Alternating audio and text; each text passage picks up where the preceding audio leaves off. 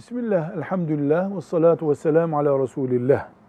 Soru diyor ki, namazda bile bazen imanımla alakalı kötü kötü şeyler geçiyor aklımdan.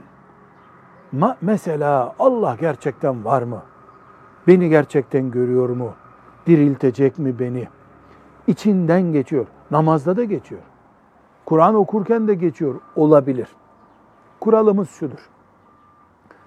Müslüman aklından geçen şeyden dolayı sorumlu olmaz. Aklından geçeni diliyle söylerse, eliyle yaparsa, gözüyle bakarsa, kulağıyla dinlerse, ayağıyla yürürse, yani içinden geçenleri eyleme dönüştürürse Müslüman mesul olur. Müslümanın aklından namazda bile Allah'a ait yanlış şeyler, hiç düşünmemesi, söylenmemesi gereken şeyler, zihninden geçiyor diye Müslüman günaha girmez. Bu onun imanının aktif olduğundan kaynaklanıyor. Şeytan onu üzmeye ve tereddüde sürmeye çalışıyor. Endişe edecek bir şey yok. Yola devam ta ruhumuzu imanla teslim edinceye kadar. Velhamdülillahi Rabbil Alemin.